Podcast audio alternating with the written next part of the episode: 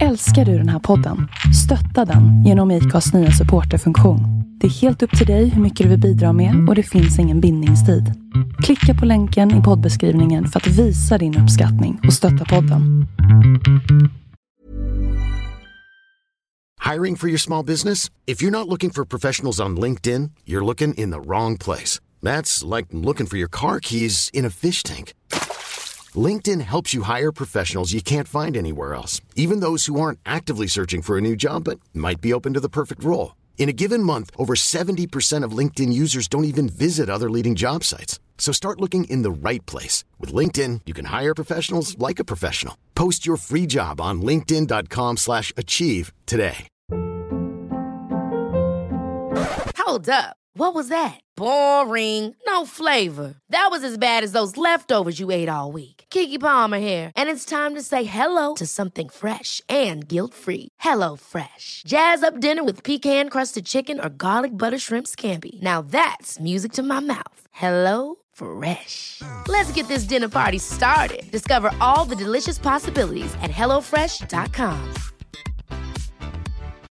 Millions of people have lost weight with personalized plans from Noom, like Evan, who can't stand salads and still lost 50 pounds.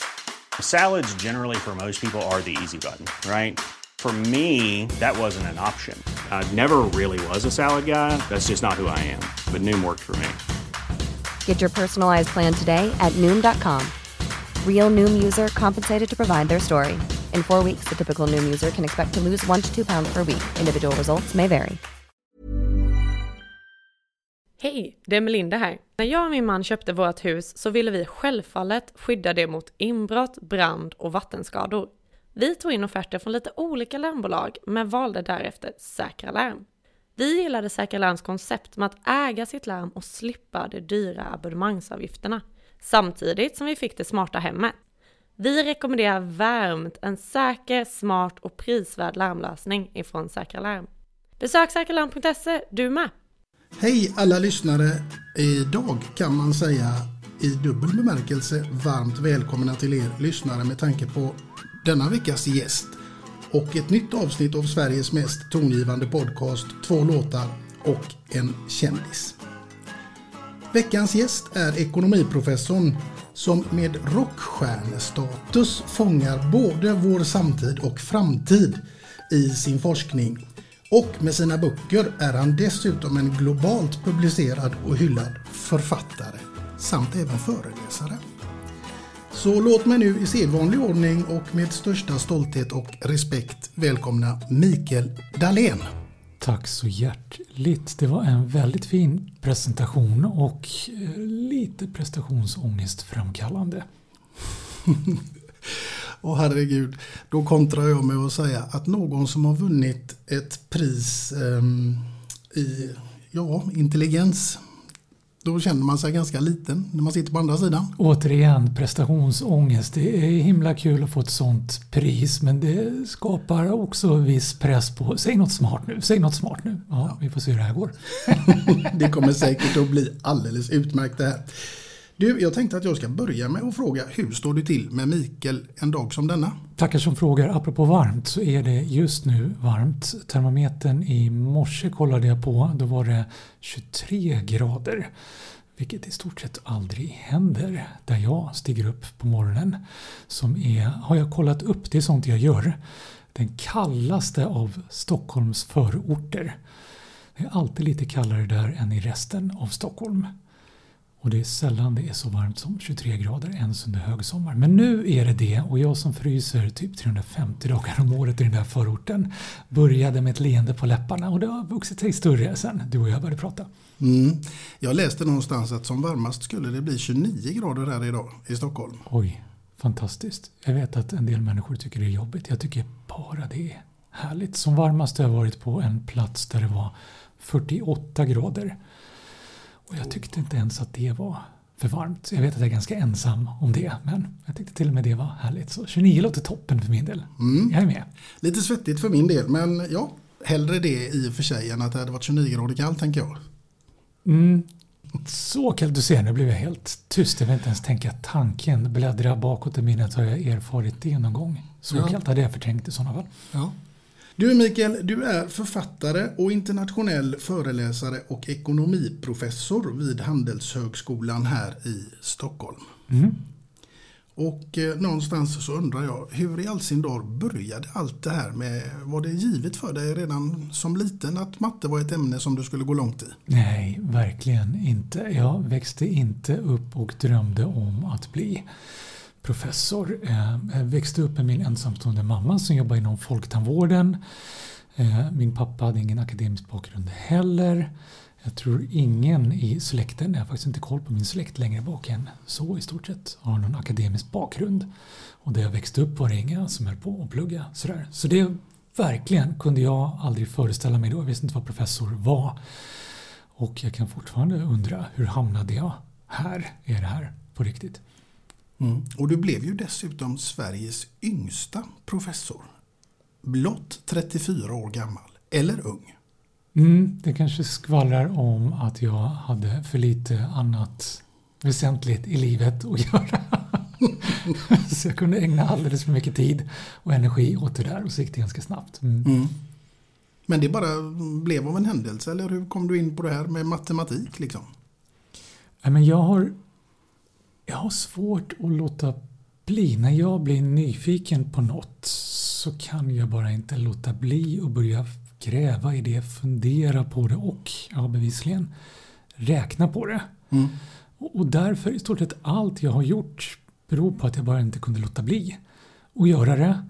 Eh, Och så har jag kanske inte så mycket annat spännande i livet som konkurrerar så jag har mycket tid och så sover jag alldeles för lite på nätterna. Jag jobbar på det men eh, om en gör det som jag gör då blir det en massa extra timmar på dygnet och de timmarna är dessutom ofta ganska ostörda för att sundare människor sover istället. Och något som är häftigt på nätterna är att det blir en lite skön bomullskänsla. Ingenting känns kantigt, jobbigt, svårt. Det är ganska bra för kreativiteten som kan springa alla möjliga riktningar. Och då blir det ganska mycket saker gjorda och kanske lite unika saker, vilket är en fördel ifall man vill bli professor eller vad det nu är, att man faktiskt kommer på saker som ingen människa vid normala timmar på dygnet kommer på tanken att man kan gräva i. Nej, men då måste jag ju fråga, herregud, blir du aldrig trött liksom? Jo, jag blir, jag blir trött eh, vid två tillfällen. Det ena tillfället är när jag under ganska många dygn sovit extremt lite. Då till slut så kickar kroppen in och stänger av. Och det älskar jag. Då kan jag sova i 12, 13, 14 timmar i sträck. Jag älskar det. Det är så härligt. Eh, Och det andra är att jag blir trött när jag gör för mycket av samma sak. Jag behöver göra många saker. Jag har svårt att göra bara en och samma sak. Jag behöver göra flera olika saker parallellt. Fast då bara med 70 procent. Just det, du har läst på dig. Ja. Det har jag till och med tatuerat in på min högra underarm för att påminna mig. 70. Ge inte 100% i någonting du gör. För det första är det en illusion. Det har blivit sån inflation i det där.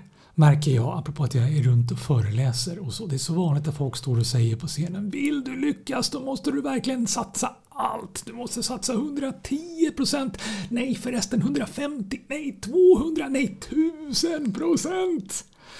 Och då kickar matematiknörden in mig i mig in och säger men 100% är faktiskt max. Och med mindre än att du ägnar varenda fiber i din kropp varenda sekund på dygnet åt någonting så kan du inte ge 100%. Du kommer alltid ge mindre. Så gräm dig inte över att du ger 100% och försöker du ge för mycket, ja då är risken stor att du kommer gå sönder. Antingen går du sönder i huvudet, du blir utbränd för att du anstränger dig så mycket. Eller så går du sönder socialt. Alla dina relationer förstörs och så vidare. Eller så går du sönder i kroppen, vilket är jättevanligt i idrotten som du säkert vet. Så jag, jag, har, jag har gått sönder för att jag försökte för mycket förut. Så nu tänker jag 70% kan jag fortfarande göra ett skitbra jobb. Men inte gå sönder och fortfarande ha lite lust i det jag gör. En hög eh, lägstanivå som man säger. Ja, men det hoppas jag och tror. Min, min högsta nivå är inte så väldigt hög. Men, men allting jag gör är ändå hyggligt. Och när det närma sig 70 kan ändå bli skitbra. Inte bäst, inte perfekt, långt ifrån. Det finns folk som gör det bättre, men ändå Mm. bra. Jag tänker att som ja, idrotten eh, i den åldern jag är så blev man ju när man blev yngre så blev man ju liksom helt matad med det här att ja, nu ger vi 100% gubbar. Precis, och det tror jag är en förklaring till dels, som du vet, varför så många slutar sina idrottsbanor tidigt i livet. Mm. I bästa fall någon gång i 30-årsåldern. Mm. Ofta tidigare än så i 20-årsåldern och i allra värsta, värsta fall och som är jättevanligt inom ungdomsidrotten som du säkert vet så verkar ju gränsen gå ungefär vid 13 redan för att det konkurrerar med allt annat Mm. i att vara människa, i att utvecklas socialt, personligt och Mm. allt vad det är. Så, så, så det finns en, en risk i det där som är väldigt påtaglig. Liksom. Absolut. Vi ska komma in mer på det sen eh, Mikael, men jag tänker att eh, musik som den här podden till stor del handlar om är ett ämne som berör oss alla på ett eller annat sätt. Och då tänker jag att jag är väldigt nyfiken på vad, hur berör musiken dig rent allmänt i livet? Jättestarkt och det tror jag att jag är långt ifrån ensam om. Det skulle förvåna mig om någon av dina gäster svarat något annat. Jag tror det är så fundamentalt i oss Mm. alla. För mig är det spännande eh, att jag är född med extremt dålig hörsel. Eh, och musik är ju ganska nära förknippat med hörsel. Den ska ju till stor del höras. Eh, och jag fattade nog inte riktigt att det är så. Att det är bra att höra bra eh, när det handlar om musik. För jag gick ju i musikskola. Och ville ju, hoppades, trodde att jag skulle ägna mig åt musik på heltid. Och det har jag bevisligen inte gjort sen dess. Så en förklaring kan vara att jag hörde inte hur illa det lät när jag själv gjorde musik. Men din Men vision älskar alltså? musik. Din vision var att bli typ rockstjärna eller något, eller ja, men musiker i alla Ja, fall. precis. Jag är gammal nog för att ha haft den visionen. Nu finns väl inte rockstjärna kvar längre. Nu heter det andra saker och man gör andra saker. Om man inte redan är 70 och är en rullande sten och kan fortsätta vara rockstjärna. Men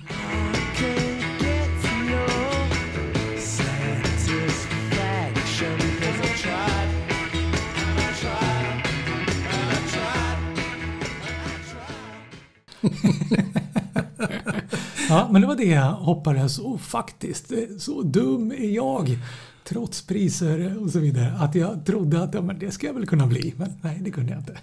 Nej. Men musiken är viktig för dig i alla fall. Ja, jätteviktigt.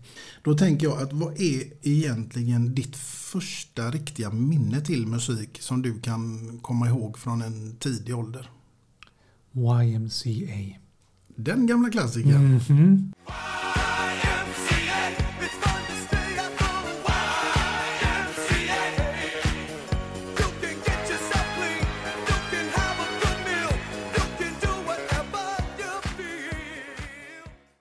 Ja, vad är det för, vad är det liksom, hur kommer du, vad är det den gör som att du minns den? I den är det glädjen och gemenskapen som jag inte riktigt kunde få på annat sätt. Jag var ganska ensam när jag växte upp och säkert delvis på grund av hörseln så blev jag ganska mycket utanför och påpucklad och så. Men alla som hört YMCA eh, vet ju att den är gemenskap. Den handlar ju om gemenskap. För övrigt YMCA är ju engelska-amerikanska motsvarigheten till KFUM, om ni känner till det, som är ett plats, ett center för människor att komma till och vara tillsammans på olika sätt. Mycket med idrott just också. Men, men den låten har ju sin egen dans, man ska sjunga med, allt det här. Det är ju liksom, det är Gangnam style innan Gangnam style, det är TikTok innan TikTok. Det var ju liksom första TikTok redan på 70-talet. Alla kunde dansa samma dans och det skulle man ju göra till den. Så delvis genom det och också delvis genom att jag hörde den låten första gången på ett disco i Stockholm. Och då undrar man om jag var en parvel på fem år, hur kunde jag befinna mig på disco i Stockholm? Eh, jo, det kunde jag göra för att jag fick följa med mina kompisars pappa, Graham Tainton, som eh, var jättekänd då och som jag hoppas många fortfarande känner till. Koreograf, eh, ett guy. Eh, han koreograferade ABBA bland annat och flera andra eh, jättestora artister.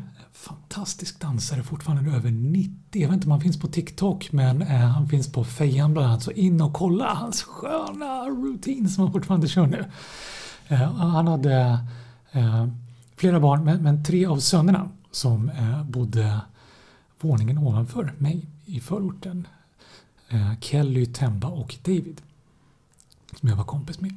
Ascoola, så fruktansvärt coola och jag vet inte hur jag fick bli kompis med dem. Jag som var allt annat än cool, populär och ensam. Men jag blev kompis med dem. Jag fick bli som en fjärde brorsa Häftigt. i den familjen. Ja. Och, och, fick följa med dem på saker och Graham blev som en extra pappa till mig och då fick jag följa med för de var på en sån här kändisinvigning av det diskot och då fick jag vara med och då körde vi YMCA så jag förknippar det med, med dem också och den familjen. Härligt minne. Mm, Verkligen. Minne. Du, eh, då tänker jag, undrar jag om det var Village People som var den första plattan du köpte för egna pengar? Första plattan jag köpte var en Kiss-platta. Mm. Vilken då? Jag måste tänka, vilken var den första Kiss-plattan? Det var Lick It Up. Okej, okay. ja. Som kom 83 tror jag va? Ja, jag är jättedålig på årtal. Spelar ingen roll. Det, det roliga är att eh, Kiss, eh, som jag älskat i hela mitt liv och som kan förklara mycket i hur jag ser ut och hur jag är, var också genom mellanbrorsan Temba. Han, hade, han spelade, in, spelade över några av sina plattor på kassett. Mm. Uh, yngre lyssnare får googla kassett. som jag fick att lyssna på eftersom uh, Temba som var tre år äldre än jag var en av mina stora idoler och gillade Kiss så älskade jag såklart den kassetten och sen lärde jag mig ju allt om Kiss och blev ju Kiss i mina egna fantasier. Och sen hade det gå så många eh, år så att innan jag hade råd och möjlighet att köpa en egen platta mm. så blev det ju Lick It Up när de precis hade tagit av sig sminket och inte var de här mytiska fantasifigurerna jag hade blivit så förälskad i.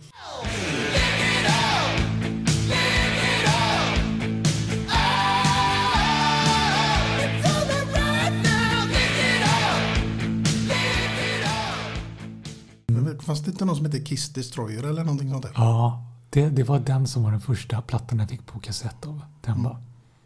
Fantastisk. Helt fantastiskt med Detroit mm. Rock City och allt vad det Första konserten jag var på var på Hovet mm. i Stockholm när Kiss kom dit för första gången utan smink. Mm. Häftigt. Mm. Du, eh, var det svårt för dig att välja ut två låtar till idag? Ja, så in i Helsinki. Min mamma är noga med att jag inte ska svära. Mm. Du ska inte avslöja dem nu på något sätt men jag, en del har märkt de tar ju de här låtarna på uppstuds liksom. Och, och andra behöver liksom lång tid på sig. Ja, men jag älskar musik, lyssnar på musik hela tiden. Har alltid gjort när jag var liten för att jag hörde så dåligt så jag var ändå inte inblandad i gemenskap och konversationer så ändå fylla min tillvaro med någonting blev väldigt mycket mm. att lyssna på musik. Och fördelen med musik att den går att crank up to 11. Man kan vrida upp den hur högt som helst vilket är betydligt lättare än att säga va? Kan du prata lite högre till folk som blir galna på det ett tag och puckla på en så. Så därför har jag alltid lyssnat på musik så och under senare år har det varit lite ett sätt om jag ska vara ärlig att fly. Att ha lurar på mig för att inte bli för tillgänglig och för att inte alltid eh, bli fångad av andra så tycker jag det är ganska skönt att fly in i musik också. Mm. Du, jag tänker på dina tatueringar som jag sitter här och ser framför mig. Mm. Siffran 70, Mm. den vet jag vad den står för. För jag tittade på ett program när du var gäst hos Malou. Mm. Eh, Men du har ju en hel del andra också. Liksom. Är det, vad står de för? Har de en betydelse mm, som är kopplad till matematik på något sätt allihop? Ja, på sätt och vis kan jag väl säga det eftersom matematik är livet för mig och livet är matematik på Mm. många sätt. Det är att faktiskt få ihop saker och ting och förstå hur saker och ting fungerar, hur jag kan göra dem bättre, hur jag kan påverka och så. Men, men i strikt mening i matematik har allting att göra med en siffra 70 eller någonting sånt. Nej, så är det inte, men all, alla tatueringar har med mitt liv att göra och saker jag behöver påminna mig om. De är som notes to self, som post-it-lappar, som minnesanteckningar. Så om man ser på dem kan man se att de är alla riktade i min synriktning. För de är påminnelser till mig. Det är jag som ska titta på dem och bli påmind om någonting. Jag har lärt mig någon gång, ofta den hårda vägen, men sen ändå märker att jag håller på att glömma bort och behöver påminna mig om oftare. Mm. Du räknade ut det också att de skulle sitta Ja. på det sättet. Ja, som sagt var, det finns, man kan använda matematik till mycket, helt klart. Du, eh, då ska vi se om eh, jag kan räkna ut vad som komma skall nu. För nu tänker jag så här att eh, du ska få berätta lite grann om det här Mensapriset som du ändå har fått. Mm, eh, jättefint formulerat. Jag är jätteglad för det och så rodnar jag varje gång för jag känner inte riktigt att jag kan leva upp till det. Men, men det handlade om eh, kombinationen av att vara matematiskt exakt och att vara konstnärligt kreativ och lustfylld. Och det här det är jobbigt att säga, det låter så jäkla högtravande.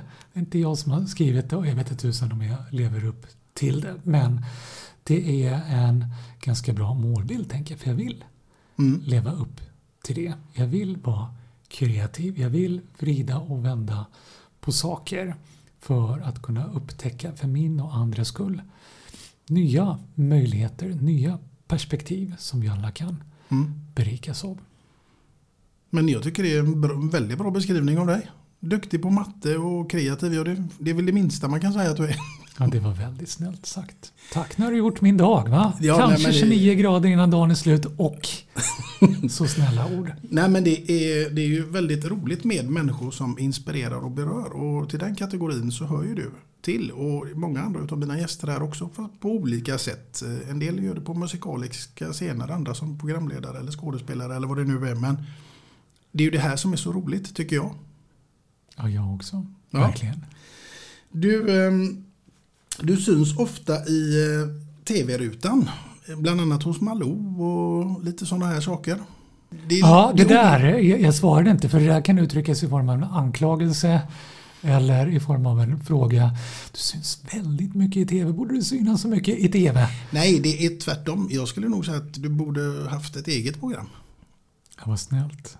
Tycker jag. För jag tycker det är, du har väldigt mycket kloka saker som du pratar om och vill utveckla. Och tror att eh, många skulle behöva höra det. Nu vet jag att du föreläser så det finns ju möjlighet att göra det. Men alla kanske inte vet om det. Ja, men det vore kul. Det vore jättekul och jag tror jag är extra nyfiken på det för att jag nästan Livet är ett enda stort nästan i värsta fall. Eh, jag var nästan eh, programledare för en tv-serie i USA innan pandemin. Mm. Så hade eh, jag jobbade med eh, Amazon då Mm. och de har ju tv om den ska kallas för tv. Jo, det tycker jag. Eh, Jag gjorde en podd för dem först. Eh, Och och det vidareutvecklades till att jag fick fila på något som skulle bli en tv-serie. Mm. Eh, Men sen hände pandemin. Och med pandemin hände inte och hände annorlunda på så många sätt för oss alla, inklusive det där som inte blev någonting av så. Och det är ett sånt där nästan som jag skulle vilja göra mig av med. Jag skulle fortfarande vilja göra det för det var så kul, så många roliga idéer och så många roliga möjligheter att testa. Så det vore jättekul att få göra och det vore jättekul att få göra här i Sverige tycker jag. Ja, det finns många program vi skulle kunna plocka bort från tv-rutan eh, och göra något roligare istället kan jag tycka. Ja, och mitt kanske skulle bli ett av dem. Men det vore kul att Ja, absolut. prova i alla fall. Det här, eh, vad heter, jag pratade med Nemo om det som var min tidigare gäst här före dig. Mm. Det här Naked Attraction och sådana här saker. Liksom. Alltså, är det bra tv? Jag har inte sett det måste jag erkänna. Jag har hört mycket om det. Mm. Jag har inte sett det. Så jag kan inte svara på den frågan. Jag följer det absolut inte slaviskt. Men ibland så sätter man ju bara på tvn för att sitta och zappa. Mm. Och då hamnar man ju i, i det där. Liksom. Och det, hallå eller? Tänker man. Nu, nu gör folk precis vad som helst för att synas i media. Ja, så jag, jag ska, eftersom jag inte sett ska jag verkligen inte uttala mig om just det programmet. Men jag, jag tänker, ibland tänker jag att utskällda program eh, kan fylla en funktion för att de får människor att reagera, att tänka till, att diskutera frågor och perspektiv som man kanske annars aldrig skulle Mm. väcka till liv.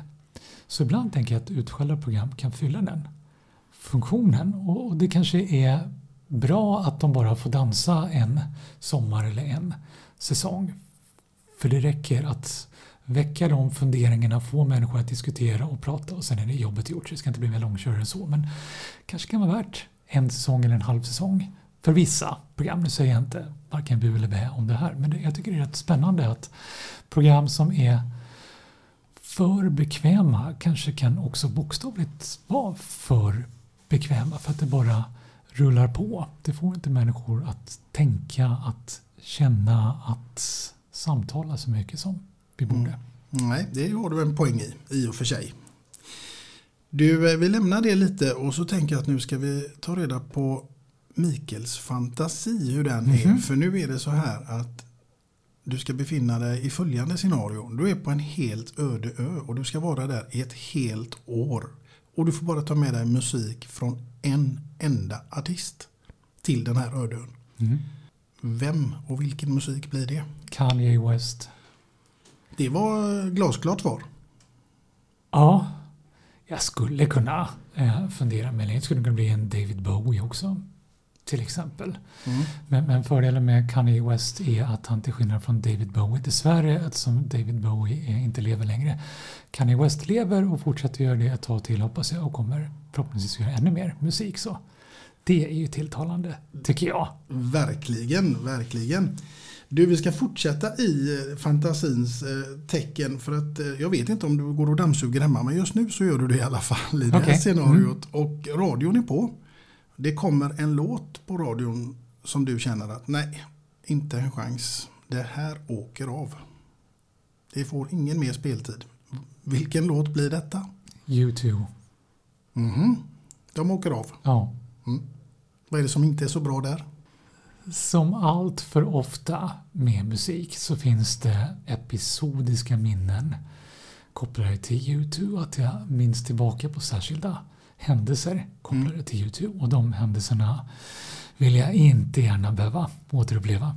Nej, och inte berätta om heller kanske. Ja, men det har att göra med eh, vissa människor som älskade U2 men inte tyckte så väldigt bra om mig och lät mig veta det väldigt kännbart. Så. Så, så jag känner nästan i kroppen hur det gör ont, hur blåmärkena växer fram när jag hör den musiken. Mm. Då har jag full respekt för att du skulle stänga av vid det tillfället faktiskt. Du, eh, vi fortsätter faktiskt lite i, den här, i det här tecknet för att nu är jag jättenyfiken på ditt svar som ska komma här. För att nu är det så här att du ska ha en middagsgäst hemma. Och det kan vara precis vem som helst, död eller levande. Det är bara fantasin som sätter gränserna. Jag skulle vilja veta vem det hade varit, vad du hade bjudit den här personen på för middag och vilken låt som hade fått ligga där i bakgrunden till det här fantastiska scenariot. Djup utandning eftersom jag brottas mellan två middagsgäster. Och apropå tatueringar så tittar jag på min vänstra underarm nu där det finns en tatuering som påminner mig om att allt som är möjligt idag har någon gång varit omöjligt. Allt eh, är definitionsmässigt orealistiskt förrän det händer och därmed blir en del av realiteten och verkligheten. Så då ger jag mig själv utrymmet att eh, gå förbi det eh, påtvingade valet eh, en person och så väljer jag två personer nu. Kanske aldrig har hänt med tidigare gäster, vad vet jag. Men som var jag 92 gäst nu i ordningen Ja, så eh, bryter jag mot det. Och Ja. hädanefter kommer det vara möjligt då, förlåt. Men då väljer jag båda de jag tänker på. Den ena är min mamma Mm.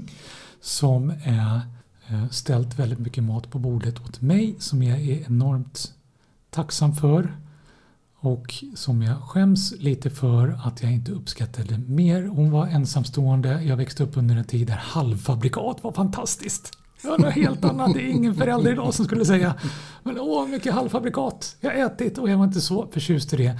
Så jag känner, jag vill bjuda henne på middag för alla gånger jag har gjort det. Och också eh, Gör bättre själv då, som hon sa. Mm. Nu får jag jäklar mig göra bättre själv och bjuda henne på middag. Mm. Eh, och till bordet eh, bredvid henne skulle jag vilja sätta Albert Einstein. Det vore så kul att prata om allt vi lärt oss om universum och inte minst kvantmekanik som han hade svårt att förlika sig med som ju kommer relativitetsteorierna som är raka motsatsen till det. Att diskutera vad innebär det här? Hur kan vi ta det? Nästa steg, det tycker jag är så enormt fascinerande och spännande. Så det skulle jag vilja ha med honom på också. Och vad skulle vi lyssna på för musik? Ja, men jag tror du, du eh, gav mig i uppdrag eh, innan vi satte oss ner nu att tänka på eh, har du två låtar vi kan prata om sen och en av de låtarna tänker jag skulle passa perfekt på den här middagen också. Då väntar vi och ser vad det blir. Men ehm, vad skulle Einstein och din mamma få att äta för något då? De skulle få hamburgergryta. Hamburgergryta? Mm. Mm. Är det din paradrätt? Apropå eh, maten som stod på eh, bordet eh, där min mamma och jag satt eh, under min uppväxt. Så den middag som jag verkligen älskade, som var eh, halvfabrikat, det var styckfrysta hamburgare. Jaha. Fatta, det har hänt en del i världen Ja. sen jag växte upp. Eh, då köpte min mamma, och det var det eh, folk gjorde, styckfrysta hamburgare. Mm. En 60 grams hamburgare per förpackning. Och så köpte hon ett gäng sådana, delade dem i fyra bitar, tog två burkar krossade tomater, också så man åt tomater på den tiden, och eh, en förpackning ris. De här bitarna hamburgare fick koka i eh, de krossade tomaterna och sen hällas över riset. Åh, det var lyxmiddag när jag växte upp på min mammas folktandvårdslön. Det älskade jag. Det skulle jag vilja bjuda på, men så skulle jag då inte köpa styckfrysta burgare, utan jag skulle göra dem själv. Och jag har sedan uppväxten dessutom slutat äta kött, så jag skulle göra dem i någon eh, växtbaserad variant. Mm-hmm. Du, är, äter inte kött nu eller? Nej. Nej. Apropå TV så eh, var jag med i ett sånt här kändisprogram. Eh, eh, halv, klockan åtta hos stjärnorna hette det. Mm. Som var variant på det här Halv åtta hos mig som jag tror fortfarande går på fyran. Men under en vecka skulle eh, ett gäng kändisar mer eller mindre bjuda varandra på middag, laga middag åt varandra. Och då var en av de kändisarna var vegan. Så då eh, bjöd hon på vegansk mat och jag kände att eh, det verkar konstigt att jag ska göra någonting med kött i och ska hon få något annat. Så jag klurade ut och gjorde min första någonsin veganska hamburgare för att bjuda på. Eh, och kände att ja, men det här var inte så dumt. Jag kanske skulle prova att köra så här ett tag. Så det var inget stort beslut utan jag bara tänkte jag provar att köra ett tag och ser hur det blir. Och så har det bara rullat på sen dess. En hel massa år faktiskt. Mm. Härligt. Du har rullat på en massa år sedan dess. Eh, nu tittar jag lite grann på tiden här och så ser jag att det är dags att rulla in på ditt första låtval som jag är extremt nyfiken på vad det skulle kunna vara för någonting. Och inte minst med vem och varför såklart. Mm. Och det får bli, jag brottades en hel del. Men valde till slut eh, Kanye West, Stronger.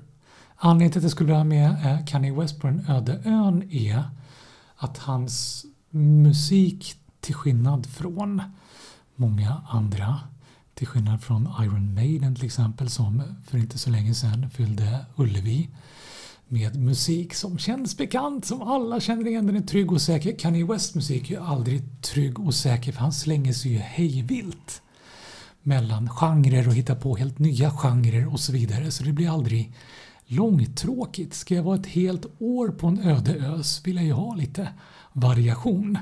Såklart. Och ska man välja en artist så Kanye West är ganska tacksam om en söker variation.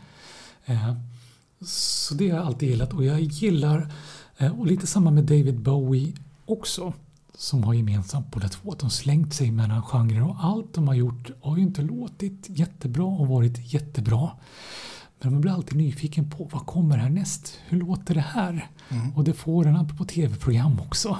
Mm. Det finns ett värde i sig att lyssna på nytt, att utsätta sig för det och, och så vidare. Så det gillar jag. Och skulle jag välja någon låt av Kanye West eh, och då blev det Stronger. Mm. Stronger av två anledningar. Den ena anledningen är att mina barn som är tonåringar också älskar den låten. De gillar Kanye överhuvudtaget, det har vi gemensamt i musiksmak. Och den låten var de, de fastnade först för. Så det, jag känner en gemenskap med dem via den. Och sen den andra anledningen är att den talar mycket till mig. Eh, stronger, harder, faster, better. Den är ju, den är ju en så ganska klassisk i liksom upplägget bragglåt. Mycket hiphop går ut på det. Mm. Rap. Eh, Kanye är ju ganska mycket åt det hållet också. Eh, men, men jag lyssnar på den inte som att eh, Kanye, att jag är det här. Och nu jäklar ska ni få se, det finns ingen gräns för det så. Men, men jag har alltid brottats med en tatuering för det också faktiskt som är ett sånt där vägarbete. Just för det gör det lättare för mig att ta mig upp ur sängen varje morgon. För jag brottas med att jag aldrig riktigt känt mig som en bra människa. Eh, aldrig riktigt känt att jag passar in, att jag kan som alla andra kan och så vidare. Men eh, räddningen för mig är att tänka att men jag är inte färdig än. Eh, det finns fortfarande tid, möjlighet, jag kan fortfarande jobba på att bli bättre, starkare i många olika avseenden, snabbare och så vidare. Jag är ett arbete som pågår och varje dag så får jag en chans att bli lite bättre. Och det är det jag hör i den låten och peppar mig själv med. Då tycker jag att vi tar och kör den nu. Så gärna.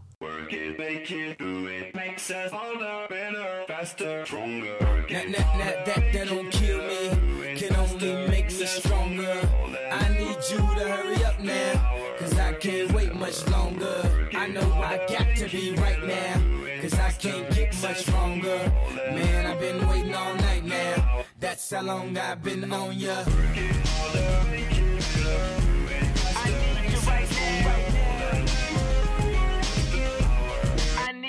Let's get lost tonight.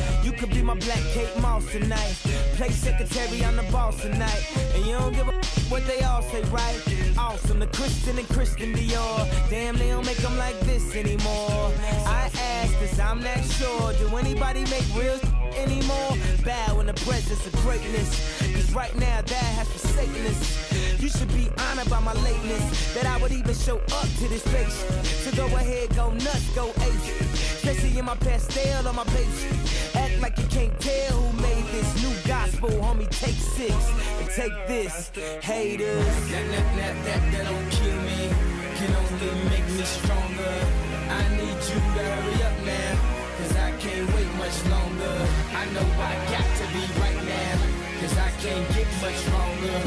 Man, I've been waiting all night now. That's how long I've been on ya.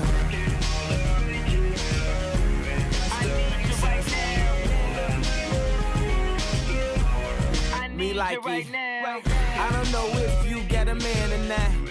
If you made plans or not.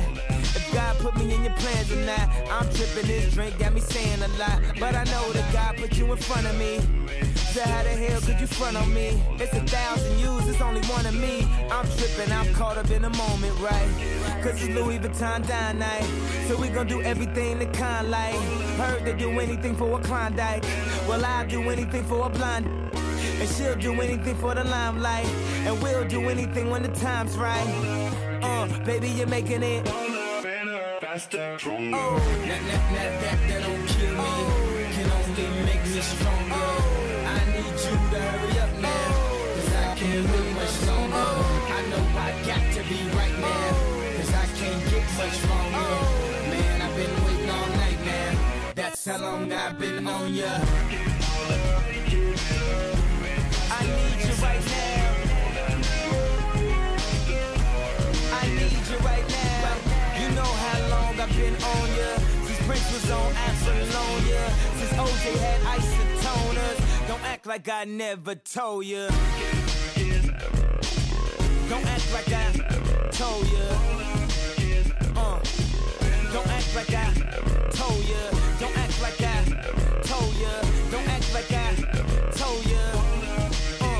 you're making it all better, faster, stronger. That, that, that, that, that don't kill me. Can only make me stronger. I need you to hurry up now. Cause I can't wait much longer. I know I got to be right now. Cause I can't get much stronger. Man, I've been waiting all night now. That's how long I've been on ya.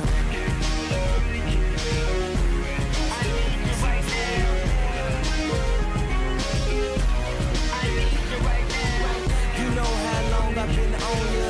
Since Prince was on Apollonia. Since OJ had isotoners. Don't act like I never told ya. You know how long I've been on ya. Since Prince was on Apollonia. Since OJ had isotoners. Don't act like I never told ya. Never told ya. Ya. Told ya. Never told ya. Never. Told ya. Never told ya.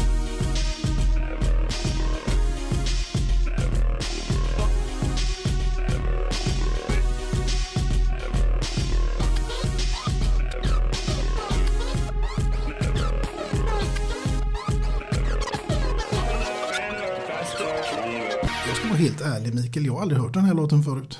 Ja, men det gör ju mig glad. Då, då fyllde det en funktion att jag valde just den. Ja, absolut. låten. Absolut. Så att du fick uppleva den och förhoppningsvis någon annan lyssnare också. Och kanske gilla den. Ta den till er på samma sätt som jag eller på ett helt annat personligt sätt, ännu bättre. Eller komma fram till att ni inte gillar den och då åtminstone få tänka till kring varför gillar jag inte och vad gillar jag bättre och varför. Mm, det är klokt. Eh, Och det jag gillar med Kanye också är att han, han är ju ingen artist som riktigt lämnar människor oberörda som bara åker förbi obemärkt så. Utan man tycker ju och känner ganska mycket i någon riktning ofta. Jag har ju några mil hem till Göteborg sen så att jag tänker att jag får ge den en chans på eh, Spotify-listan där. Kul! Ryan Reynolds here from Mint Mobile. With the price of just about everything going up during inflation, we thought we'd bring our prices down. So to help us, we brought in a reverse auctioneer, which is apparently a thing. Mint Mobile unlimited premium wireless. Ready to get 30, 30, bit to get 30, bit to get 20, 20, 20, bit to get 20, 20, bit to get 15, 15, 15, 15 just 15 bucks a month. So, Give it a try at mintmobile.com slash switch. $45 upfront for three months plus taxes and fees. Promo for new customers for limited time. Unlimited more than 40 gigabytes per month. Slows. Full terms at mintmobile.com. I'm Sandra, and I'm just the professional your small business was looking for. But you didn't hire me because you didn't use LinkedIn jobs. LinkedIn has professionals you can't find anywhere else, including those who aren't actively looking for a new job but might be open to the perfect role, like me. In a given month, over 70% of LinkedIn users don't visit other leading job sites. So if you're not looking on LinkedIn, you'll miss out on great candidates like Sandra. Start hiring professionals like a professional. Post your free job on linkedin.com/achieve slash achieve today. Wow. Nice. Yeah. What you're hearing are the sounds of people everywhere putting on Bombas socks, underwear, and t-shirts made from absurdly soft materials that feel like plush clouds. Yeah, that plush. And the best part? For every item you purchase, Bombas donates another to someone facing homelessness. Bombas. Big comfort for everyone. Go to bombas.com slash ACAST and use code ACAST for 20% off your first purchase. That's bombas.com slash ACAST. Code ACAST. Millions of people have lost weight with personalized plans from Noom, like Evan, who can't stand salads and still lost 50 pounds. salads, generally, for most people, are the easy button, right? For me, that wasn't an option. I never really was a salad guy. That's just not who I am. But Noom worked for me. Get your personalized plan today at Noom.com. Real Noom user compensated to provide their story. In four weeks, the typical Noom user can expect to lose one to two pounds per week. Individual results may vary. Hey there, it's Michelle Norris. I'm host of a podcast called Your Mama's Kitchen. When I travel, I'm usually looking for a way to find a taste of home when I'm not at home. And one of the things I love to do when I am at home is entertain. And Airbnb allows me to do that. When I was in California recently, I rented a house that had a great kitchen. And when we were sitting around the table, we were all thinking, we're in someone else's house. Someone could be in all of our homes as well. If you have a home, but you're not always at home, you have an Airbnb. Your home might be worth more than you think. Find out how much at airbnb.com/slash host. Ja. Du, nu ska vi gå vidare här och eh, då är det så här förstår du att nu kommer det en signal här som låter så här.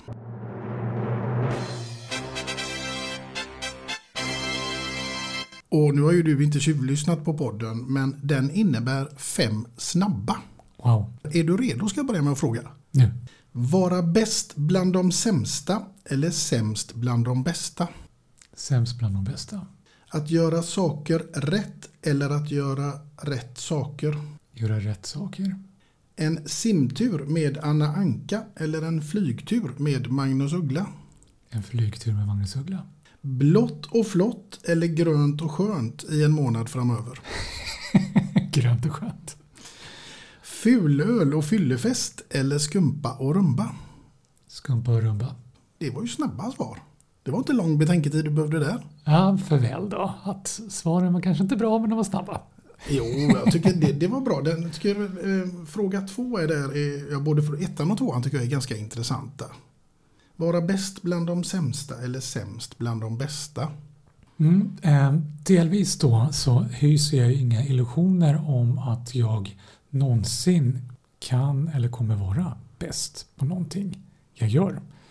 Så då blir det ju nästan ett eh, negativt val. Vad återstår då? Då återstår ju det andra alternativet.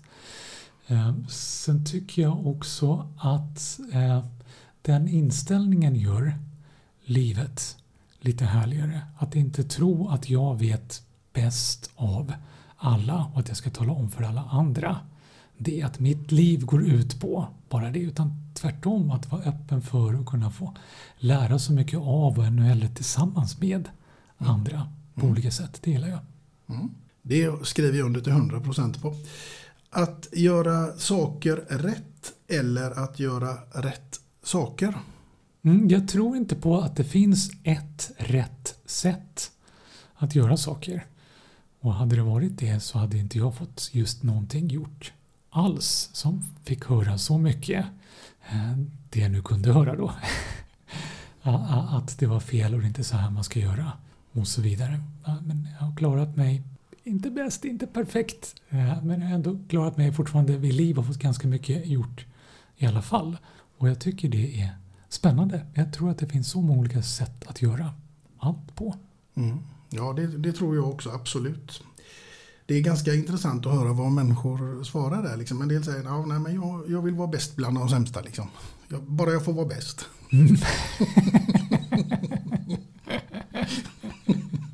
ja, så kan det vara.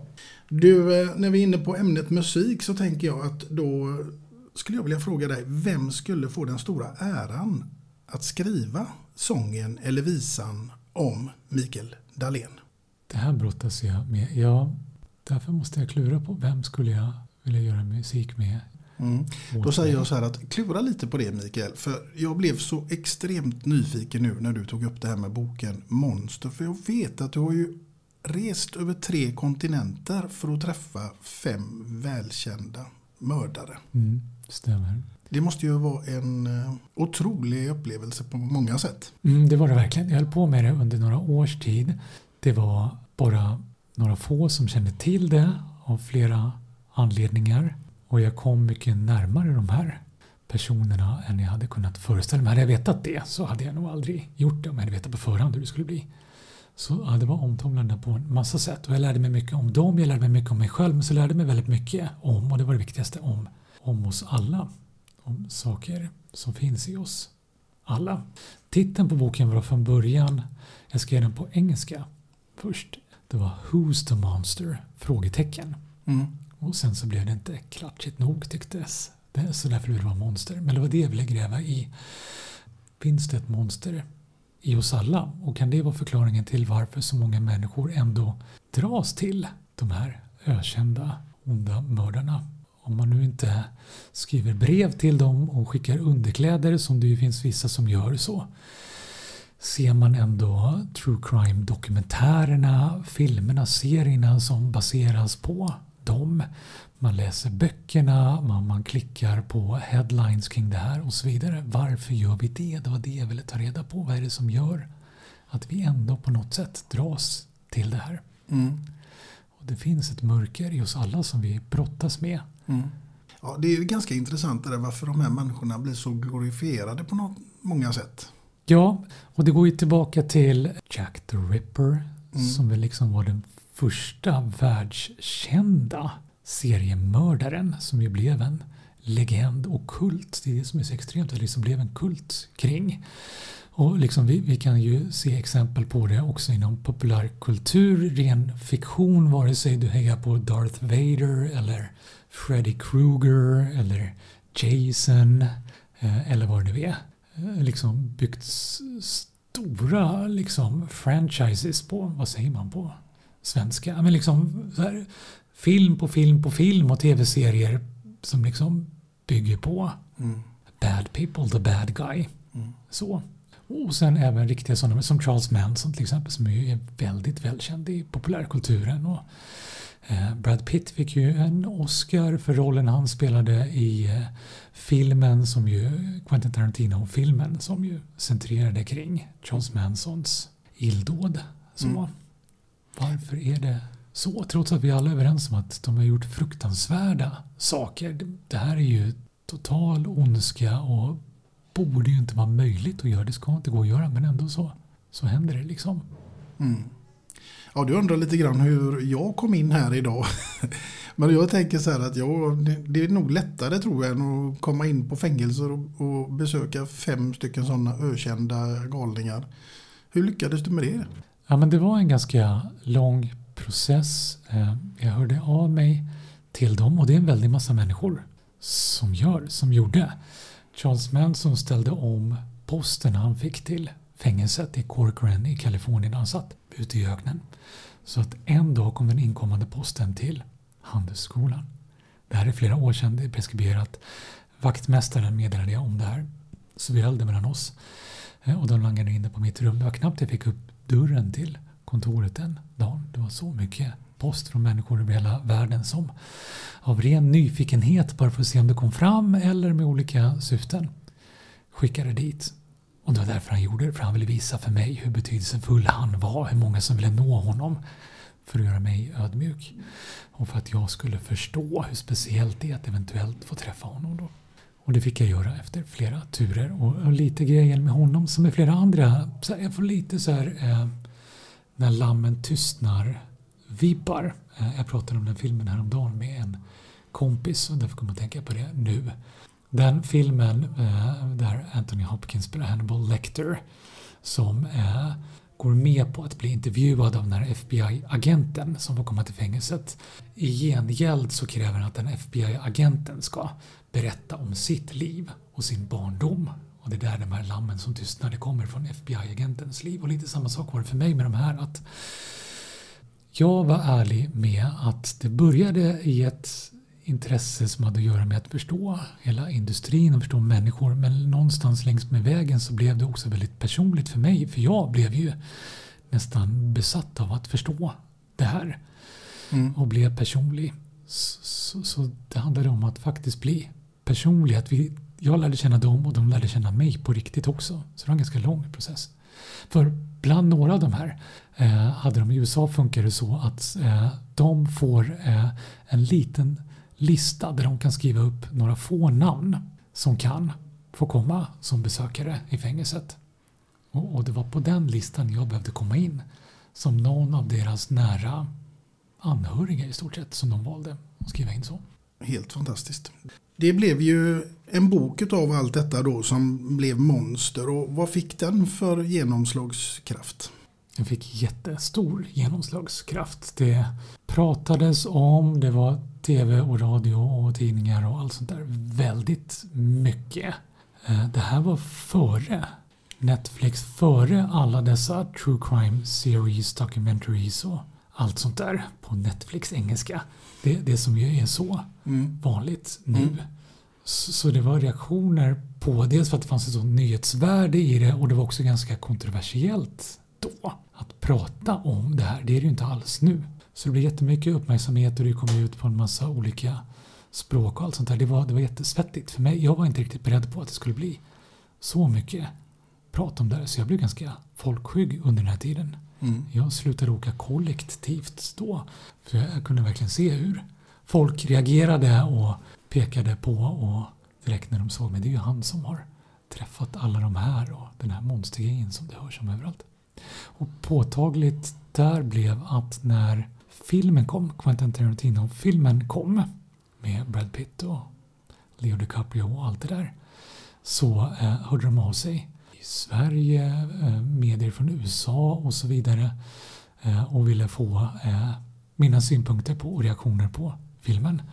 Och när han dog häromåret så eh, började redan mitt på natten på grund av eh, tidsskillnaden började det låta i min telefon när de ringde från nyhetsmedier i USA och så vidare och ville att jag skulle uttala mig om det. Det är helt Mm. bisarrt att jag skulle uttala mig om det men det blev så mycket uppmärksamhet kring att jag lärde känna honom Mm. och det och andra också.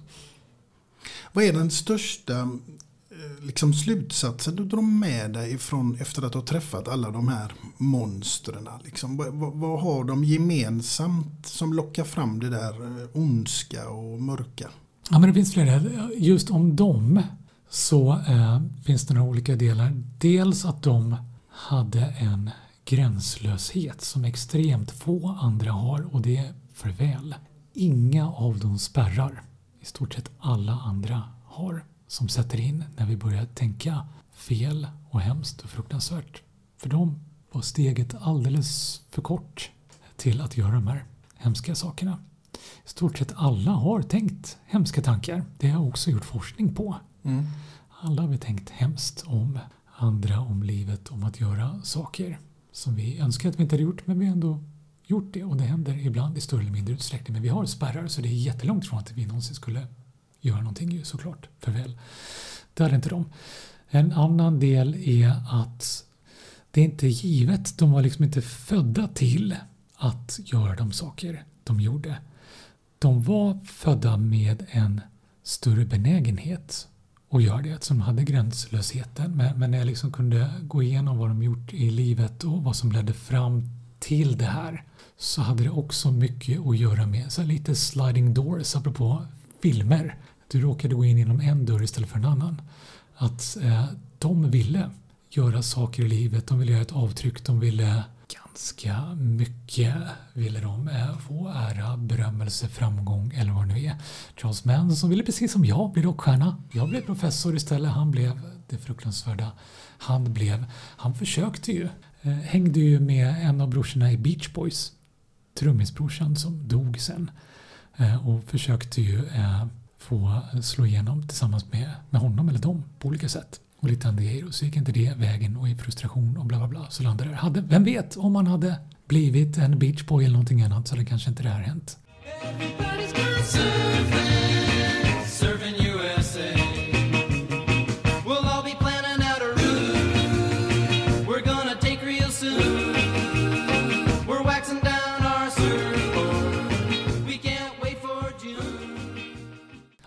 Med flera av de andra också. Så liksom det är, det är flera saker. Ha den benägenheten. Men sen också att just där och då gick någonting annat fel.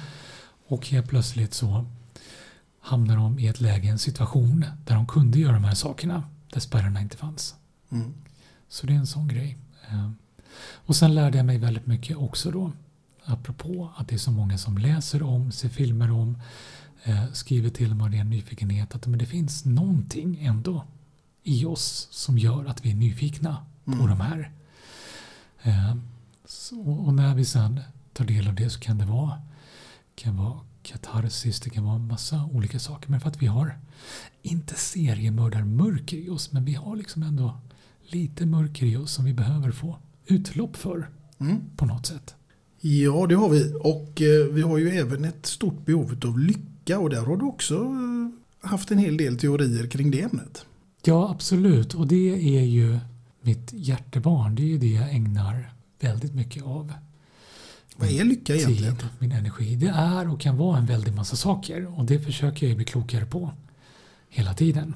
Det är, kan vara eh, nöjdhet med tillvaron. Det kan vara en positiv känsla. Det kan vara ett lugn. Det kan vara motsatsen till ett lugn. Det kan vara en upprymdhet, en pirrighet. Det finns massa olika former av välmående, av lycka. Det kan kompletteras i eller vara ett substitut i form av mening i livet. När det är svårt att känna lycka och glädje och upprymdhet så kan man hitta någon mening. Det blev väldigt tydligt under pandemin. Att men kan det finnas någon mening i att gå upp ur sängen i alla fall, även om det är jobbigt och svårt. Det kan vara eh, att leva rikt, inte i termer av pengar men i upplevelser, saker vi lär oss som kan vara jobbiga att göra men som ändå berikar och får oss att bli lite bättre och växa. Det finns jättemycket i det. Mm. Min fråga till dig blir ju, blir man lyckligare av pengar? Ja och nej. Du blir lyckligare upp till en viss nivå som ligger lite över medianen ungefär i inkomst i månaden. Vare sig inkomsten är lön eller pension eller vad det nu kan vara. Men hur som helst, medianen ungefär. Och det gör att det skiljer sig åt mellan medianer olika länder, olika vad du nu jämför dig med. För det är ganska mycket att göra med det. Eh, att när du kommer upp till en nivå där du har åtminstone de ekonomiska möjligheterna att leva och göra på samma sätt som de flesta andra. Då blir ungefär så lycklig du kan bli med pengar. Sen, sen ökar lyckan efter det också, men, men väldigt snabbt avtagande. Så du blir inte så mycket lyckligare. Det krävs väldigt mycket mer för att bara bli lite, lite lyckligare Mm. hela tiden. En annan fundering jag har är hur länge varar ett eh, lyckorus? Inte längre än tre månader. Inte längre än tre månader. Nej. Sen kan det vara väldigt mycket kortare än så beroende på hur ruset är. Men den här härliga Ja, jag satt just och funderade på om jag varit lycklig i tre månader. Det här man kan sätta ny framför som att du är nyförälskad till Mm. exempel. Mm. Eller att du nyligen blivit förälder eller att du nyligen fått gjort, klarat det här. Mm. Det har ungefär tre månaders eh, livslängd i genomsnitt. Det kan ju variera lite upp och ner och det vet jag för att jag har följt ett hundratusental människor vid det här laget och kunnat se det. Det är jättehärligt Mm. att bli nyförälskad, det vet vi alla. Mm. Men, men lite snabbare än vi tror och en skulle önska så vänjer vi oss vid det här och vaknar upp och tänker inte den första tanken Åh vad härligt det är att jag har den här människan i mitt liv utan börjar ta lite den människan för given. Är det därav som vi kanske också idag eh, inte ser att det är lika långa förhållanden som det var förr? Ja, jag tror det kan vara en väsentlig del för vi tänker lätt, jag kallar det för hypokondri, lite som hypokondri. Att vi tänker oss sjuka utan att vi egentligen är det och så kanske vi blir sjuka på grund av att vi tänkt oss sjuka. Att vi kan tänka oss mindre lyckliga än vi egentligen borde vara Mm. och är och blir mindre lyckliga av det. För att vi har någon idé om att vi borde vara sådär rusigt lyckliga hela tiden med alla valmöjligheter vi har. Jag menar, du har Tinder i telefonen. Du kan swipa igen och igen och igen. Och om du då eh, bestämmer dig för att "Men den här personen ska jag bli med. Så tänker du, men då måste ju den personen och vår tillvaro tillsammans vara ett enda stort rus. Och är det inte det, då måste jag ha valt fel. Mm. Eller hur? Ja, och så kanske jag borde börja swipa igen. Så. Mm. För att vi tror att, ja, ska jag nu välja så många valmöjligheter, då måste valet ju vara helt perfekt. När det inte finns något perfekt och slutligt val så kan jag göra dig rusig i all evighet. Det är inte bara att det var något fel på. Det är inte att det var fel på den här personen, på, din, på er relation eller vad det nu är. Utan vi funkar så. Mm. Nu sitter jag här och lurar och försöker räkna ut, vilket inte är min starka sida då. Men om alla människor här i Sverige hade haft siffran 70 intatuerad på armen. Hade, hur hade samhället sett ut då? Ja, det, det gör ju mig så nyfiken och jag tänker på, kan vi inte försöka ta reda på det? Ja. Och alla människor kan vi kanske inte få med på båten, men alla som lyssnar och vi alla som eh, är tillsammans just nu bestämmer oss för tillsammans att vi ger några veckor där vi har 70 som måttstock i det vi gör. Till exempel i våra relationer. Och så ser vi och så kan vi väl eh, Ja, du får bestämma. Hur ska vi följa upp det här? Kan vi höra av oss till dig? Finns det något sätt vi kan meddela oss och se? Hur har relationerna, hur har vi mått av det här? Ja, det får bli på Instagram här under detta avsnittet eh, med dig så kan Ja, man gå in och toppen. lägga en eh, kommentar där tycker jag. Hur det känns när man har eh, levt på 70% i två veckor. Ja, men det bestämmer vi. Ja, Toppen! jag, jag ska nog bli den första att kommentera det. Jag ska verkligen försöka. Och då får du inte göra som är vanligt sådana här kommentatorsfält där man skriver först. Nej, det får man inte göra. Utan kommentaren ska vara så här blev det för mig. Mm. Hur blev det för er? Precis. Du, vi lever ju faktiskt i en eh, digital värld som snurrar allt fortare och du har ju myntat uttrycket förväntningssamhälle. Så vad är det egentligen vi kan förvänta oss? Allt. Bokstavligt, eh, vi kan inte låta bli att förvänta oss saker inom allt från karriär till kärleksliv till vad som händer i samhället. Just nu när du och jag sitter här så är det ju upptakt till valet till riksdag och kommun och landsting och allt vad det är. Och vad är det om inte ett enda stort förväntningslopp där alla politiker kommer med löften om vad vi kan förvänta oss och det vi röstar bygger på.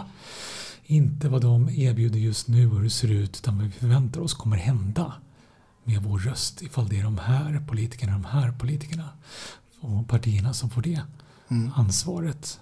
Att ekonomin ser ut som den gör just nu med helt plötsligt en eh, annalkande eh, överfallande lågkonjunktur har ju att göra med att vi hade så bisarrt höga förväntningar på hur det skulle bli nu efter pandemin med allt som ska bli så mycket bättre och gå så jättebra med tillväxt och avkastning på finansiella marknader och allt det där. Och så helt plötsligt så hände saker i Ukraina bland annat och, Eh, som skapade en kedja av effekter. Och så kommer det inte bli lika bra som vi trodde. Och så blev det lågkonjunktur och det intressanta där är att lågkonjunkturen i sig kommer fortfarande enligt siffrorna som det ser ut nu baseras på tillväxt. Vi kommer fortfarande få det bättre i år än vi hade det förra året. Men inte så mycket bättre som vi hade förväntat oss. Och på grund av de förväntningarna så tycker vi att det blir skitdåligt. Trots att det i verkligheten egentligen inte blir skitdåligt, bara inte lika bra som vi hade förväntat oss. Mm.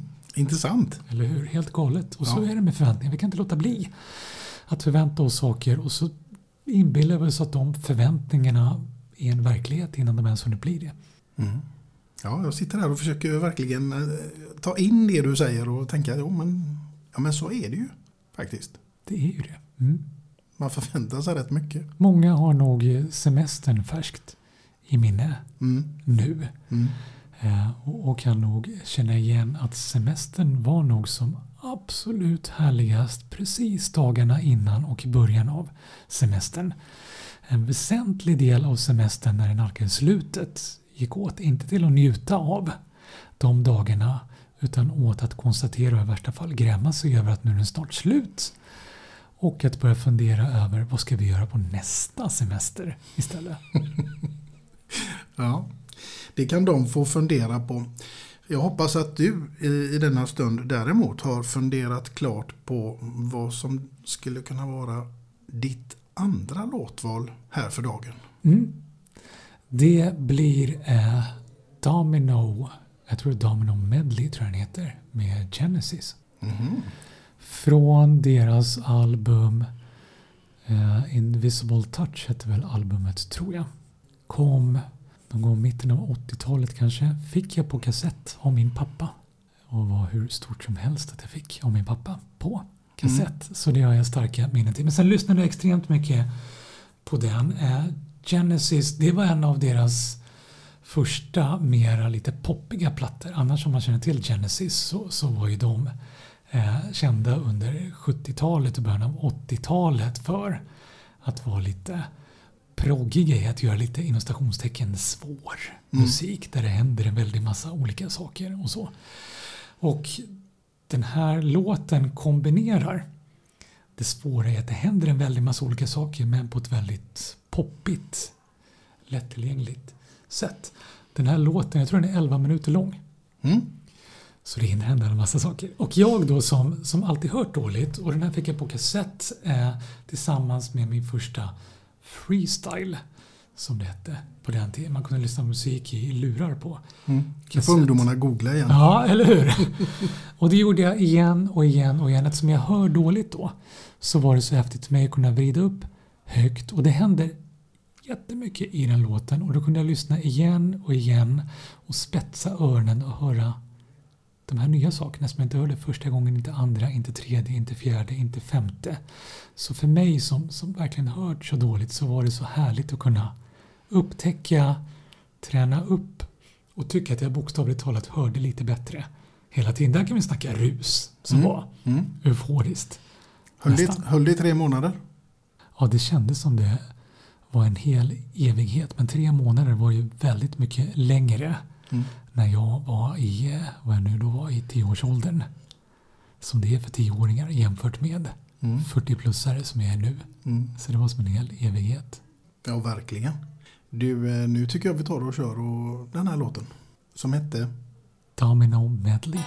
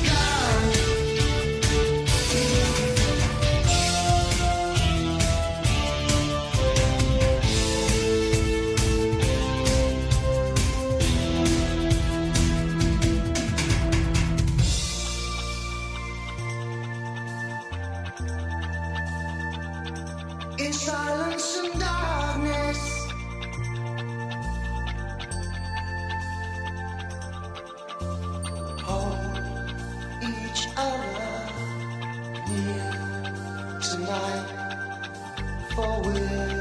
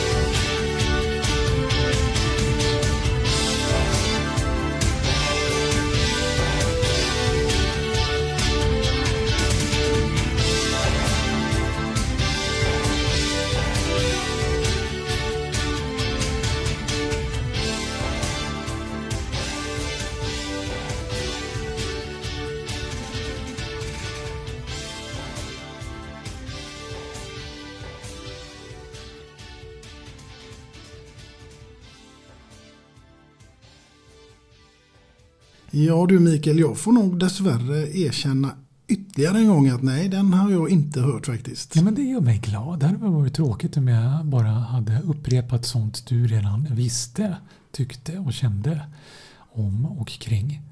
Den här låten gillar jag. Den, den liksom ger möjlighet, eh, om man inte har hört den som nog väldigt många människor inte har gjort, så kan det bli som att upptäcka ett eh, Better Call Saul på Netflix eller något sånt där när man har läst nu om att finalen var så bra och kanske en av tidernas bästa tv-serier upptäcker att det finns sex säsonger som jag nu kan titta i kapp på. Det är så härligt tycker jag. Den här låten är också en sån man kan lyssna i kapp på. Man Mm. lyssnar på den en gång, den har jag aldrig hört och sen kan man lyssna på den igen och så hör man den på ett annat sätt och sakerna finns där och igen och igen så man kan liksom binge-lyssna på den låten. Det beror på hur man är lagd men jag skulle säga att det åtminstone kan bli tio lyssningar i rad där varje lyssning känns nästan som en ny lyssning med ett nytt avsnitt. Sånt tycker jag är häftigt och härligt. Eller hur? Det får jag testa sen på vägen hem helt Ja, men enkelt. snälla gör det och så kan du väl meddela mig det också. Det ska jag göra. Det Jag ska- kan bli en annan tråd i sociala medier. Den kan vi ta på, kan vi ta på fejan istället. Ja, det kan vi ta. Vi ska se här om det är någon av dina två eh, låtval här som får kvala in på min eh, Spotify-lista. Ja, nu börjar jag känna prestationsångesten igen här. Nej då. Du, eh, nu tänker jag faktiskt att jag ska fråga dig vad innebär ordet livskvalitet för dig? Livskvalitet för mig innebär... Det där är någonting jag brottas mycket med och har en mission kring. Att jag vill bli tusen år för att det är så mycket jag är nyfiken på. Det är så mycket jag är klok jag inte är klok på, som jag vill bli klok på. Det är så mycket jag inte har hört som jag vill höra närmare på att jag känner att jag behöver bli tusen år för att komma ikapp där. Och där har jag eh, läst in mig en massa på och fortsätter att göra. Hur kan man öka sannolikheten att få bli vid liv åtminstone ett år till? Fler och fler mot tusen. Eh, och då blir det ganska snabbt någon sån här trade-off. Därför att det kunskapen säger så här långt är att eh, du ökar sannolikheten att leva längre om du inte sliter för mycket på din varelse på vägen. Du får inte ta för stora risker, du får inte hålla på för mycket med saker, du får inte äta för mycket, du får inte anstränga dig för mycket, bla bla bla. Eh, sitt gärna på en sten i en grotta. Då tar du inga risker, du sliter inte så mycket på din varelse. Då kan du leva lite längre och det finns sådana som har gjort det och levt lite längre också. Men hur mycket liv är det? Att sitta på en sten i en grotta. Eh, man upptäckte för eh, något år sedan en ny valart som visar sig kunna bli några hundra år gammal. Anledningen till att man inte upptäckte den valarten förrän nu är att de lever långt ner på botten av havet där det är kallt, vilket inte är helt fel, det ska inte vara för varmt, och där det inte händer så mycket. De gör ingen väsen av sig, därför man upptäckte dem först nu. Men samma där, hur kul är det? Så, så livskvalitet för mig är att få tillräckligt mycket liv, att få vara liv, vid liv tillräckligt länge för att uppleva, för att kunna göra, för att kunna medverka i en massa saker. Men också få ut så mycket av det varje dag på vägen. Inte så att det går för långt och du sliter för mycket på dig själv och andra, apropå de här 100 procenten. Mm. Utan tillräckligt mycket för att verkligen få ut någonting av livet som Mm. faktiskt är bra för dig och andra varje dag, så länge som möjligt. Då kan vi ju falla tillbaka lite på de här 70 då. För hur, hur mycket skulle du säga att det kan öka din livslängd med? 70 procent. Såklart. Dum fråga får dumt svar. Ja. Där var, där, var jag, där var du snabb och jag var men, långsam. ja, men än så länge är det mitt bästa svar på hur jag kan. Det är ingen som vet än hur det skulle gå att bli tusen år gammal. Ingen har blivit det. Eh, Det finns inget som säger att det idag går att bli tusen år gammal. Men att, att hålla sig kvar vid liv ett år till ökar sannolikheten att veta lite mer, att kunskapen kommit fram, att möjligheterna finns att leva lite längre bortom det. Mm. Och så. Men herregud, vad är världens äldsta människa i ålder? jag. Det kluriga är att de människorna som är riktigt gamla har inte jättebra koll på hur gamla de egentligen är. Och det kanske är en poäng i det att de inte brytt sig så mycket om tid, inte stressat över den och så vidare. Så det är lite svårt att svara på. De kan inte riktigt svara på det själva. Alltid. Och kanske finns det någon på en sten i en grotta som är mycket äldre än folk känner till för att den personen på stenen i grottan har inte gått ut och talat om det för någon. Men, men annars så, så landar det, jag vet inte vem som är äldst just nu för det är ju som en ständig stafett. Den som är äldst dör ju förr eller senare så kommer någon annan som blir den nya äldsta. Så jag vet inte hur gammal den äldst levande just nu är men eh, gissar de brukar vara kring 108 kanske, något sånt. Mm. Ja. Då är det drygt 900 år kvar. Ja, så det vill ju till att det vill ju till att hitta det jag och vi alla lär oss lite mera än vi vet just nu ja. hur det ska gå till. Ja, faktiskt. Du, nu tänker jag att det faktiskt är dags att eh, fråga dig eh, om dina morgonrutiner. Mm. Hur ser de ut? Eh, det första jag gör är att grabba skärmen och kolla vilka fyller år idag. Mm. Det tycker jag är så kul. Jag fyller år mitt i sommaren.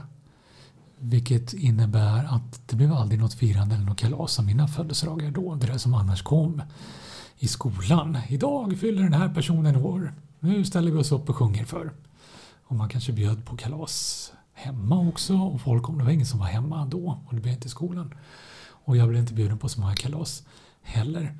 Så därför är det någonting jag tycker är så fantastiskt härligt att kunna ta igen nu. Att få vara med på firandet av människor som fyller år. Och jag är så glad att ha blivit med så många kompisar, åtminstone i sociala medier, som jag får veta när de fyller år. Och få skicka ett grattis. Det gör mig mycket gladare. En perfekt start på den dagen att faktiskt få möjligheten att säga grattis till någon. Mm. Få vara med lite, lite grann. Absolut. På det kalaset. Mm. Så så det börjar jag med. Sen eh, eh, går jag ut om det inte är för kallt, vilket det ofta är för mig som fryser så lätt. Och går jag inte ut så ställer jag mig eh, innanför fönstret och tittar ut. Och tar en energidryck. Det är inget bra tips för att leva länge att börja dagen med energidryck så. Så det är eh, en, en sån liten guilty pleasure. Och det tänker jag också är en del i livskvalitet. Mm. Att, att också få göra sånt som är lite busigt och kanske inte bra men som trots det, eller kanske på grund av det, är härligt. Mm. Eh, för att vakna till lite grann och så tittar jag ut genom fönstret eller står ute för att eh, byta perspektiv. Bokstavligt talat att faktiskt eh, titta bort mot träden som inte är så långt bort i trädgården som jag är väldigt glad att ha. Eller lite längre bort på andra sidan gatan där det finns lite skog. Eller ännu längre bort om jag tittar eh, över eh, gatan som går utanför som sträcker sig ganska långt bort. Det är en jättelång gata. Så. Eh, eller titta upp i skyn.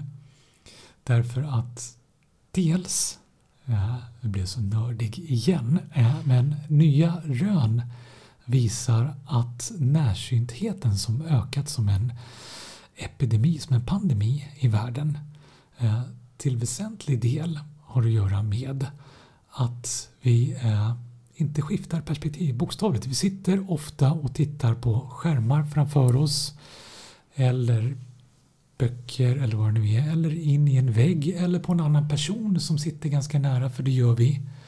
Så, så därför så eh, eh, blir ögat slött bokstavligt för att det inte skiftar perspektiv. Allting är ganska nära Mm. inom några få meter. Så att fortsätta träna ögat, precis som vi tränar kroppen, hjärtat och allt vad det är för att eh, hålla god hälsa. Genom att skifta perspektiv. Så Mm. gör jag varje dag. Så gör du varje dag. Mm. Det jag fiskade lite grann efter det var om kaffe ingår i din morgonritual. Nej, det gör det inte. Och anledningen till det är att vi har en kaffemaskin som låter ganska mycket och jag går upp mycket tidigare än resten av familjen. Så resten av familjen går inte så glada om jag börjar med kaffe. Nej, men du dricker kaffe? Jag dricker kaffe så, så eh, det blir kaffe ganska snart efter om jag tar mig någonstans utanför Mm. hemma. Här kanske det blir lite kaffe emellanåt. Mm, det blir det absolut. Ja.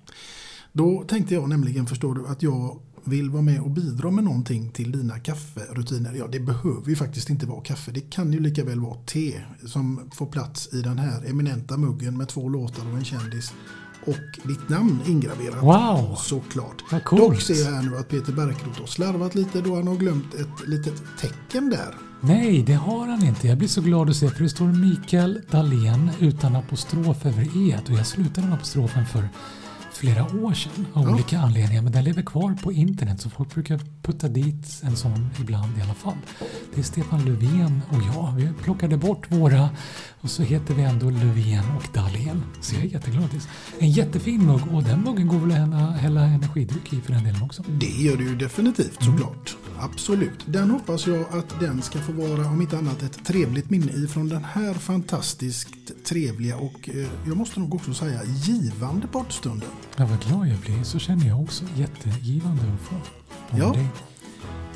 Och eh, till er kära lyssnare så kommer det ju naturligtvis en ny gäst inom kort. Och vem det är som sitter framför mig då, det återstår ännu att se. För det vet jag inte själv riktigt ännu. Men eh, tills dess så får ni ha det så bra där ute allihopa. Förväntningarna är skyhöga. Ja.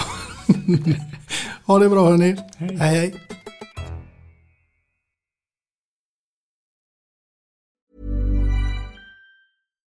Hi, I'm Daniel, founder of Pretty Litter. Cats and cat owners deserve better than any old fashioned litter. That's why I teamed up with scientists and veterinarians to create Pretty Litter. Its innovative crystal formula has superior odor control and weighs up to 80% less than clay litter. Pretty Litter even monitors health by changing colors to help detect early signs of potential illness. It's the world's smartest kitty litter. Go to prettylitter.com and use code ACAST for 20% off your first order and a free cat toy. Terms and conditions apply. See site for details. Hold up. What was that? Boring. No flavor. That was as bad as those leftovers you ate all week. Kiki Palmer here, and it's time to say hello to something fresh and guilt-free. Hello Fresh. Jazz up dinner with pecan-crusted chicken or garlic butter shrimp scampi. Now that's music to my mouth. Hello Fresh. Let's get this dinner party started. Discover all the delicious possibilities at hellofresh.com. Even when we're on a budget, we still deserve nice things. Quince is a place to scoop up stunning high-end goods for 50 to 80% less than similar brands. They have buttery soft cashmere sweaters starting at $50, luxurious Italian leather bags, and so much more. Plus, Quince only works with factories that use safe, ethical, and responsible manufacturing. Get the high-end goods you'll love without the high price tag with Quince. Go to quince.com slash style for free shipping and 365-day returns.